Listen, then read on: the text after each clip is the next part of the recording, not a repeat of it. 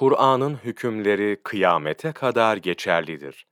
Ayet-i kerimede şöyle buyrulur. De ki, hangi şahidin şahitliği daha güvenilirdir? De ki, benimle sizin aranızda Allah şahittir.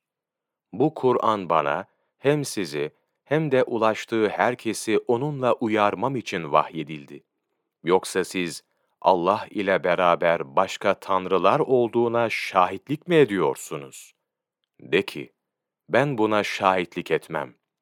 De ki, o ancak bir tek Allah'tır. Ben sizin ortak koştuğunuz şeylerden kesinlikle uzağım. En'am suresi 19. ayet Bu ayeti kerimeyle kolaylıkla anlaşılır ki, Kur'an'ın hükümleri nüzulü vaktinde hazır olanlara, Efendimiz'i dinleyenlere münhasır değildir. Onlardan sonra kıyamet gününe kadar gelecek olanların hepsine şamildir.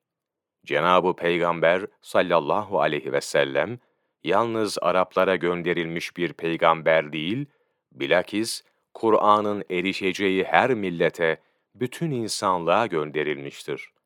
Ancak Kur'an, kendilerine erişmeyen kimseler muahaze olunmazlar. Bir hadisi şerifte, bir ayet bile olsa benden tebliğ et buyurulmuştur. Diğer bir hadisi şerifte de, kim benim sözlerimi işitip hıfseder ve onu ümmetime tebliğ eylerse, Allahu Teala ona hayat ve güzellik verir buyurulmuştur. Muhammed bin Kab radıyallahu an bir kimseye Kur'an erişirse o peygamberi görmüş ve onu ondan işitmiş gibidir der. Bir başka hadisi şerifte ise Hak Celle ve Ala mahluklarını karanlıktan halk etti ve üzerlerine nurundan koydu.